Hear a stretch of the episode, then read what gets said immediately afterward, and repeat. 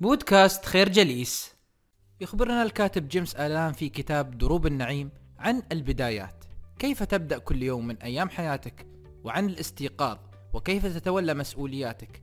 هل تهيئ ذهنك مع بداية كل يوم جديد؟ إن البدايات هي المفاتيح الأولى للسعادة والتعاسة؟ وأن البداية الجيدة هي التي تحدد مسار يومك في أن يكون هذا اليوم تعيسا أم سعيدا؟ فهيا بنا نتعمق فيما قاله جيمس آلان في هذا الكتاب. الحياة مليئة بالبدايات التي يعيشها الجميع كل يوم وكل ساعة.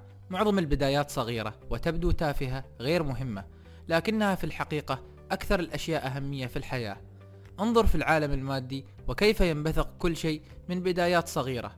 أعظم الأنهار في بداياتها مجرد جداول يمكن للجندب أن يقفز ليعبرها وأعظم الفيضانات تتشكل من بضع حبات من المطر. وشجرة البلوط تحملت عواصف ألف شتاء كانت بذرة مرة وعود الكبريت المدخن المرمي دون اهتمام ربما يكون السبب في حريق يدمر بلدة بأكملها. هل اكتشفت إذن الأهمية الكبرى للبدايات؟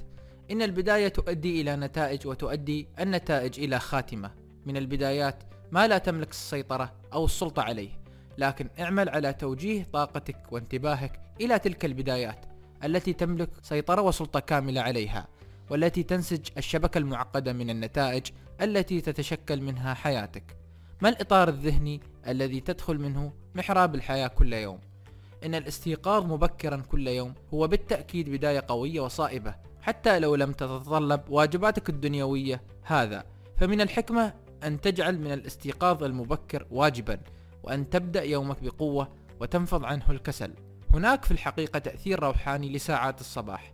ففي السكون الإلهي طمأنينة لا تصفها الكلمات. وذلك الذي يتعمد أن يرمي عن نفسه بقوة عباءة الراحة ويتسلق الهضاب لتحية شمس الصباح.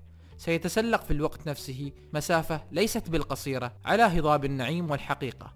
الفكرة البداية سبب ولا بد من أن تتبعها نتيجة أو سلسلة من النتائج والنتيجة دائما من طبيعة السبب. نقرأ ونسمع الكثير عن حمل الأعباء. لكننا لا نسمع ولا نقرأ إلا القليل جدا عن إلقائها. لماذا عليك أن تمضي في حياتك مع حمولة ثقيلة في قلبك؟ إن كان باستطاعتك أن تحرر نفسك منها وتنتقل بين رفاقك حر القلب فرحا. أين هي الحمولة التي تتسبب بالتعاسة أو الحزن؟ ليست موجودة. وإن كان لابد من فعل شيء فلتقم بالفرح وليس من تأفف داخلي وتفجع. من الحكمة أن تعانق الضرورة كصديق وموجه. من أكبر الحماقات التي تتجهم في وجه الضرورة وكأنها عدو وأن تتمنى أو تحاول التغلب عليها وتجنبها. هذا الشيء نفسه الذي تعتبره سجنا أو عائقا هو البوابة الأولى نحو تحررك. والعمل الذي تعتبره لعنة أبدية يحمل لك النعيم الحقيقي الذي تقنع نفسك دون جدوى أنه في الاتجاه الآخر وأنه لا يمكن الوصول إليه. إذا كانت ظروفك مرهقة فهذا لأنك تحتاجها وعليك أن تطور القوة اللازمة لمواجهتها. هي مرهقة لأن هناك نقطة ضعف فيك وستستمر بإرهاقك حتى تستأصلها. هذه امرأة ذات عائلة كبيرة عليها أن توفق بين كثير من الأطراف دون مقابل فتقوم بكل واجباتها المنزلية وتجد الوقت لتعود المرضى من جيرانها. تجدها مبتهجة من الصباح حتى المساء لا تتذمر أبدا من ظروفها المرهقة.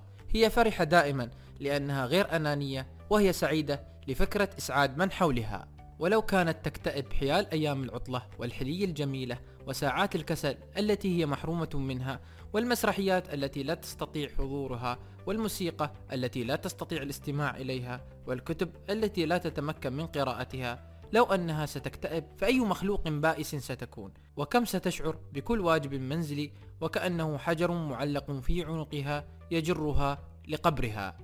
الفكرة إذا كان القيام بأمر ما صائبا وضروريا فهذا يعني أن من الخير القيام به ولا يمكن أن يصبح عبئا إلا عندما تتمنى عدم القيام به. من تناقضات الحياة أننا نكسب عندما نعطي ونخسر عندما نتمسك بطمع. كل كسب في الفضيلة يستوجب بالضرورة بعض الخسارة. لابد لمن يريد أن يرتدي ثوبا جديدا أن ينزع عنه الثوب القديم. ومن يريد إيجاد الحقيقة لابد له من التضحية بالزيف. يقلب البستاني الأعشاب الضارة في التربة لتتغذى من بقاياها النباتات الأخرى المفيدة كطعام.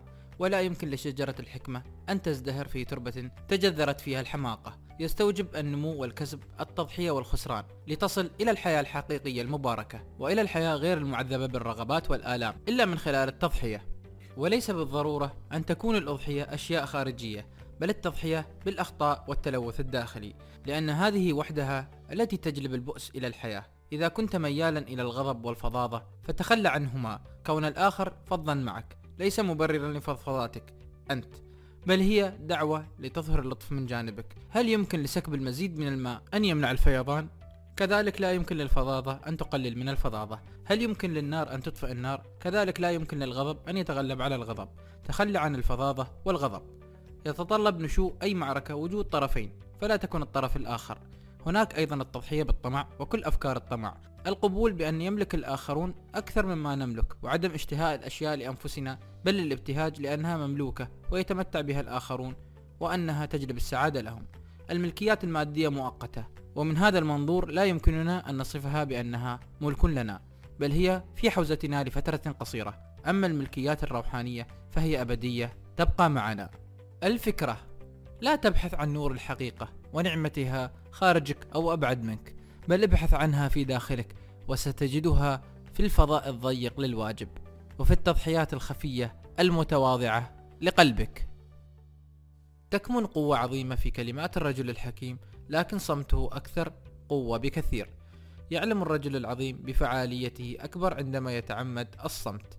الموقف الصامت للرجل العظيم والذي يراقبه واحد أو اثنان من تلاميذه يسجل ويحفظ لعقود من الزمن في حين أن الكلمات اللجوجة لمتحدث ذكي ربما يسمعها آلاف البشر لتنتشر فورا ثم تنسى وتهمل بعد عدة من الأجيال على الأكثر. ثرثر الأحمق ويروي الإشاعات ويناقش ويتبادل الكلام. يحقق مجده إن هو قال الكلمات الأخيرة وأسكت خصمه يبتهج لحماقته وتجده دائما في موقع الدفاع يضيع قدراته كلها في قنوات عقيمة.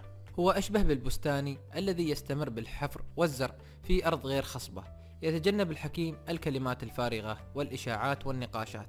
العقيمة والدفاع عن النفس يرضى بمظهر المغلوب ويبتهج عارفا أنه وجد خطأ آخرا في نفسه وتخلص منه وأصبح من ثم أكثر حكمة. طوبى لمن لا يصارع ليقول الكلمة الأخيرة. يقول القانون الكوني أن الهدوء قوة ورجل الأعمال الناجح لا يتحدث عن خططه أبدا وأساليبه وعلاقاته فإن فعل هذا بداعي نجاحه وتحول جشعا فقد بدأ مسيرة الفشل. إذا أردت أن تكون قويا ومفيدا ومعتمدا على نفسك فتعلم قيمة السكون وقوته. لا تتحدث عن نفسك. يعرف العالم بالغريزة أن كثير الكلام ضعيف وفارغ يتركه لغروره. لا تتحدث عما ستقوم به بل افعله ودع عملك المكتمل يتحدث عن نفسه. من يصون قواه الذهنية؟ يصون قواه الجسدية أيضا. يعيش الصامت القوي الهادئ عمرا أطول ويتمتع بصحة أفضل من الشخص اللجوج الصاخب. الفكرة إن السيطرة المناسبة على اللسان هي بداية الحكمة والسيطرة المناسبة على الذهن هي اكتمال الحكمة.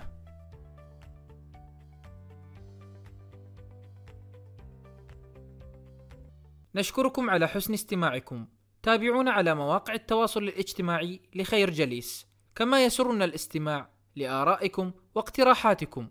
ونسعد باشتراككم في البودكاست.